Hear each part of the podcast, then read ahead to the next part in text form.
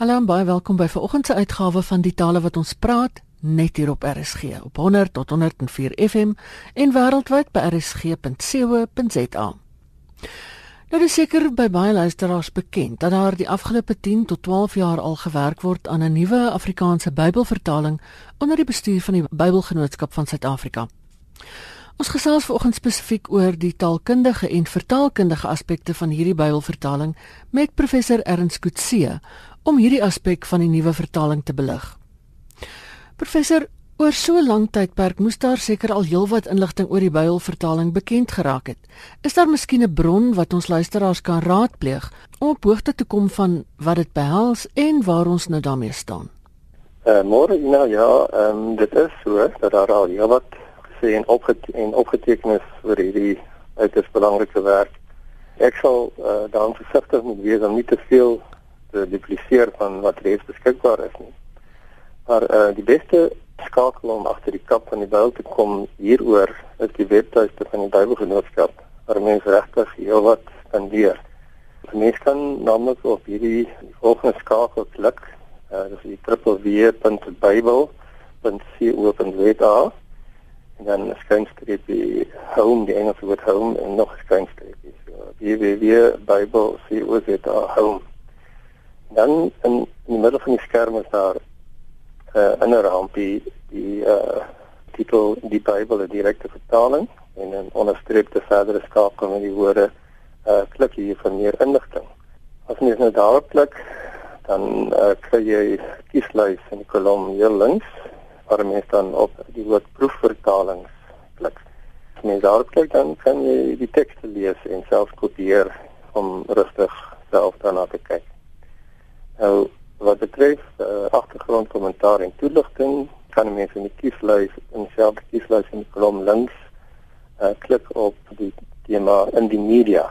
Nou daar is 'n hele lang lys van skakels ook na uh, bydraes en ek dink hoewel die bydraes almal werklik 'n besondere aspek van die werk behandel, is een bydra wat ek al sterk sal aanbeveel, die van uh, professor Henning Snyman uh, met die titel 'n nuwe Afrikaanse Bybelvertaling wat op 28 Oktober 2014 gepubliseer is. Ek dink dit gee vir ons werklik 'n baie goed gebalanseerde idee van die hele uh, projek, waarom dit nodig was, wat dit behels en so voort en so voort. Enige iemand wat iets daarvan werklik langstel en en waaroor dit werklik gaan, het jy sal daar uh, baie baie nuttige inligting kry. Nou dit bring my juist by die volgende vraag. Daar is verskillende benaderings tot Bybelvertaling. Gee ons 'n bietjie agtergrond daaroor.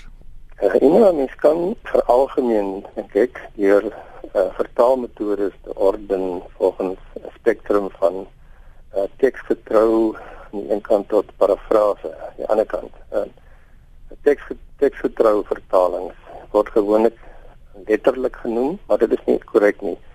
'n Letterlike vertaling impliseer 'n woord vir woord weergawe van die brontaal. Ek gaan net 'n bietjie meer oor teksvertrou praat en dit is dit is iets wat meer omvattend is. In geval van 'n parafrase aan, aan die ander uiterste sou mens die bronteks dan vrylik vertaal volgens jou begrip van hoe jy dit verstaan. Nou, en baie vertalings het nog altyd nog maar altyd sterk aangeleun by die gangbare vertaalteorieë van die tyd. Soms bewustelik, meestal onbewustelik om dit nog verder grootliks te veralgemeen kan mens seker omtrent drie basiese sentrale benaderings by by vertalings identifiseer. Eerstens dan uh, 'n woord vir woord of letterlike vertaling ten einde so na as moontlik aan die brontale te vertaal. En daar bestaan sulke vertalings. Tweedens um, 'n wetenskaplike of dinamiese vertaling van uh en daar is ons 'n outeur of 'n taalteoretikus met die naam van Naida gehad wat dan ten doel gehad het om die vertaling aan te pas by die lees- en begripswêreld van die leser as ook om 'n vergelykbare effek by die tekenleser te bereik. Dit is die vertrekpunt van van die sogenaamde dinamiese vertaling. Uh en laastens die uh funksionalistiese vertaling van Reis en Noord waaroor ek uh, flissies iets meer sou kan sê. Ehm um, ja, seker. Nee, ek wou gevra het watter vertaling eh, in watter benadering word vir die jongste vertaling waarmee jy nou besig is gebruik? Hmm. Die vertaling wat as die beste vir Bybelvertaling beskou word en uh twee probleme van die dinamiese ekwivalente vertaling oorkom of uh, oplos. Uh en dit is naamlik die verwydering tussen die brontaal konteks aan die een kant en die van die leser aan die ander kant en dit is ongelukkig die geval met met die uh dinamiese vertaling dat mense uh baie verloor in terme van insig, jy weet in die in maar die brontaal kultuur en die tyd waarin dit gelewe veral uh, die mense gelewe het veral kulturele en historiese aspekte van van daardie konteks. Jy kan dit dan die gevaar dus van 'n eie interpretasie aan die ander kant dat 'n mens met 'n uh, teks wat histories ver van jou verwyder is op die eie manier interpreteer en in die proses natuurlik uh jy weet 'n sekere vooroordeel uh, inbou. Die uh, die teorie wat as die beste beskou word om hierdie probleme te oorkom is die funksionalistiese model van uh, Christian Nord waarvan ek gepraat het. Nou wat wat behels Nord se teorie? Dit hou in dat daar volgens die heel pertinente vertaalopdrag te werk gegaan moet word wat alles tersaaklike faktore insluit is die doel van die vertaling, die aard van die bronteks, of die teks waaruit vertaal moet word, behoeftes van die leser. En in aansluiting daarby is daar vir die die Bybelvertaling en wat ook gebaseer is daarop op Noordse teorie is die teorie van direkte vertaling. Dit is nie letterlik nie, maar direkte vertaling van uh, van goed, Ernst August Gut wat die vir die vertaling gebruik word. En daarvolgens is die vertaalopdrag dan vervolg geformuleer en ek dink dit dit het verskyn telkens in die teks die oor maar dit is goed dat ons miskien net weer daarna kyk. Naamlik die opdrag is dan skep 'n goed verstaanbare bronteks georiënteerde Afrikaanse vertaling van die Bybel wat geskik is vir voorlesing, voorlesing en gebruik in eredienste asook vir katedrese, Bybelstudie en persoonlike gebruik. So dit is die uh, opdrag wat die vertaler gekry het. Nou omdat dit bronteks georiënteerd is en dit wys terug na die na die teks soos dit geskryf is in Hebreëus en, en Grieks. Neem dit lesers na die Bybel se eie tyd en leefwêreld. Ehm um, hoewel dit altyd gangbaar idiomatiese Afrikaans moet wees, word ook die letterkundige aard en struktuur van die bronteks word die gebruik daarvan nie gemoderniseer nie.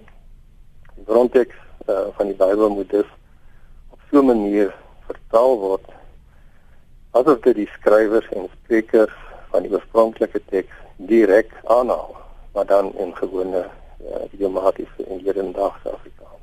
En dis die benadering wat vir jongste ja. vertaling gebruik is. Dis reg. Nou hoe verskil dit van die 1983 vertaling en die vroeëres? Ehm um, weet jy, in die Bybel direkte vertaling, dit is die amptelike benaming van hierdie vertaling, uh, die DV afkorting is anders in die sin dat dit werklik die enigste een is wat 'n direkte vertaling van die brontekste is.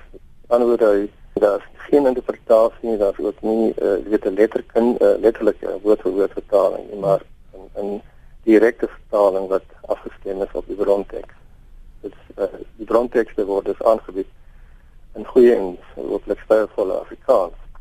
Dit is die een kant. Die tweede punt is ehm um, die oorsprong en die werkswyse van die vertaling is in die opsig anders dat, dat dit aangevra is deur al die hoofstroomkerke wat dienste in Afrikaans aanbied. Dit is nie net die NG Kerk hele vormende kerk en vir enige gereformeerde kerk nie, maar ook die Afrikaanse dele van die Rooms-Katolieke kerk, die Methodiste, die Afrikaanse Presbyteriaanse kerk en dis meer.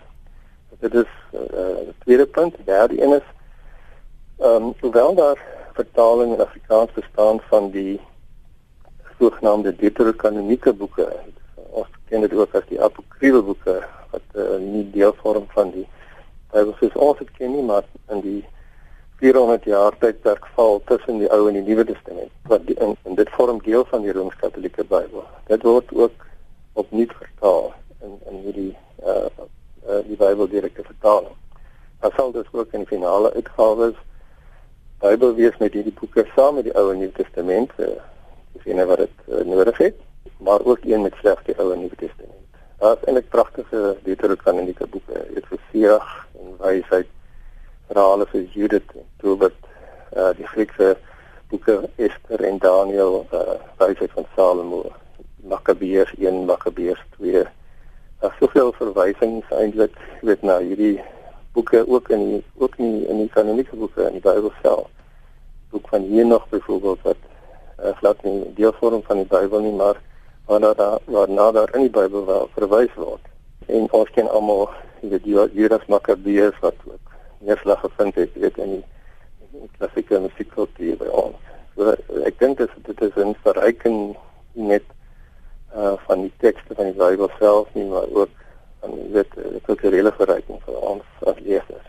So ek dink dit is nou daar punt die, die uh, nog nog 'n punt en nuwe die nuwe vertaling dink ek open ook nuwe perspektiewe deur middel van die oorvloedige inligting in voetnote waarin die letterlik die Hebreëus of Grieks gegee word natuurlik in Afrikaans maar ook ehm um, uh, moontlike ander interpretasies of uh, verklaring vir van die teks self want nie die teks is nie altyd ondubbelsinnig net op een manier uh, verstaanbaar nie. So ek dink dit is die die basiese verskille.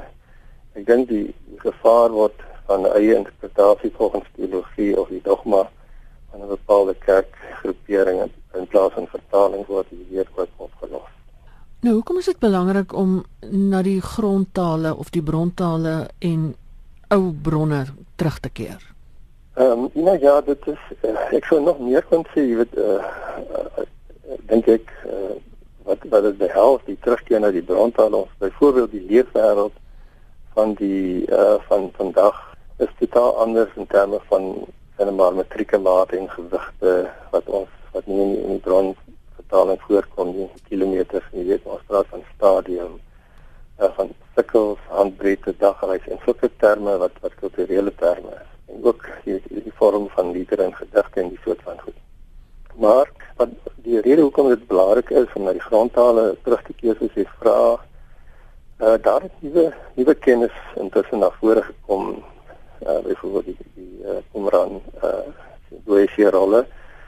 Uh, en ook natuurlik soos ek genoem het die die vertaalteorie het, het verander en uh, dit alles uh, ook die nuwe ontdekkings werk lig op die leefwêreld en teks teksinhoud van vroeë tekste. En ons kan kan daar bedaad vind.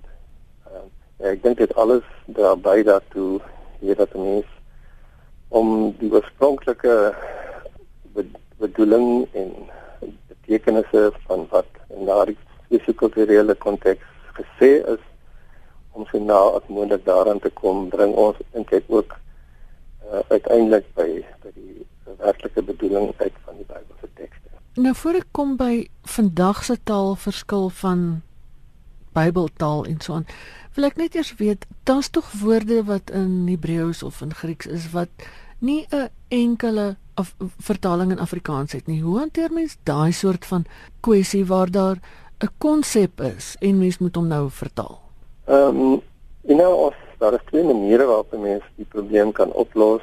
Ons het byvoorbeeld, ek dink ek in die Ou Testament veral ehm um, probeer om uh 'n transliterasie te gee van sê maar 'n pleknaam, uh Engedi, uh wat net maar plek van die fontein beteken. Ja. Ehm um, en as as sulke terme nou al reeds goed gevestig is in vroeë vertalings, het ons nou nie daaraan getorring nie, maar ons het wel in voetnote weet aanduiding gegee van wat dit beteken.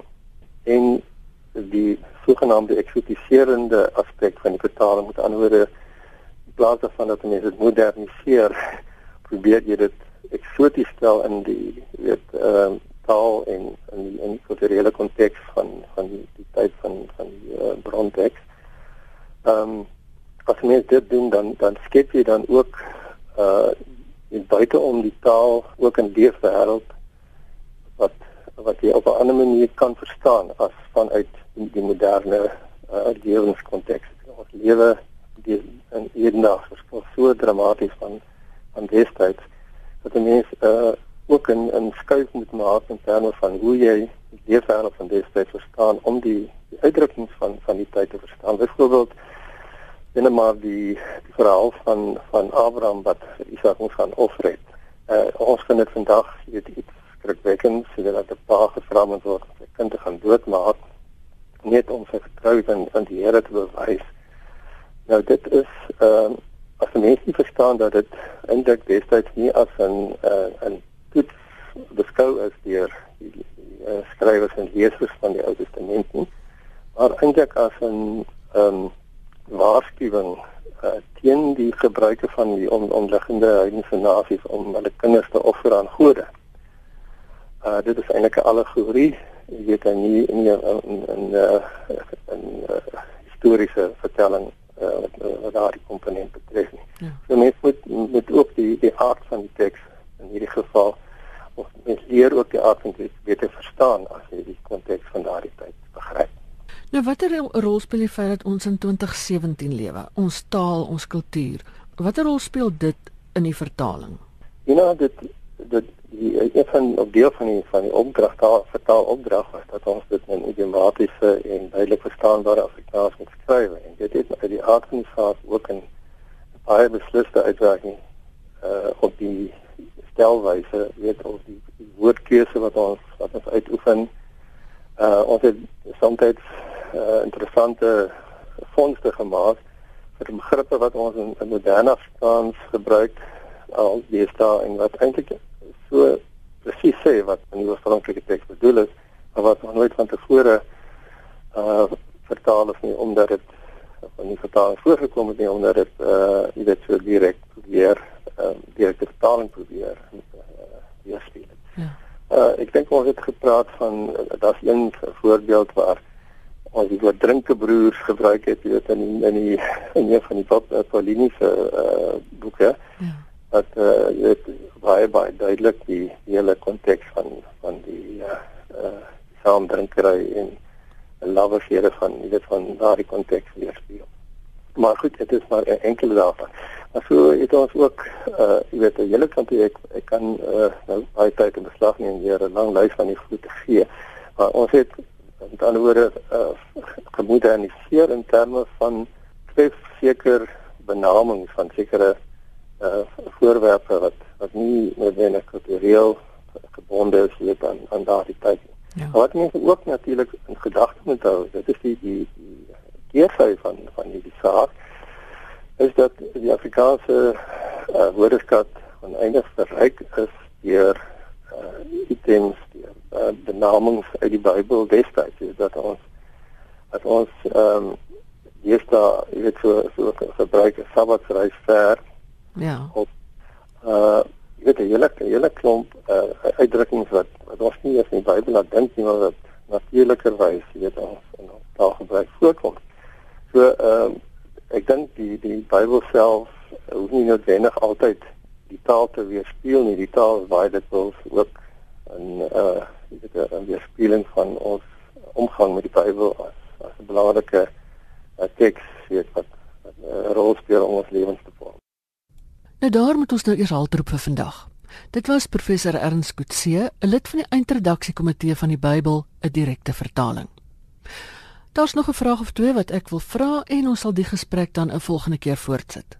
Ek gee weer daardie webadres waarvan professor Kutse vroeër gepraat het. Dit is www.bybel.co.za skynstreep home skynstreep. Ek herhaal www.bybel.co.za skynstreep home skynstreep. En daarmee is dit tyd om te groet. Laat hoor gerus van jou. My e-posadres is strydomjj@sabc.co.za. Geniet die res van die dag in RSG se geselskap en van my Ina Strydom. Groete tot 'n volgende keer.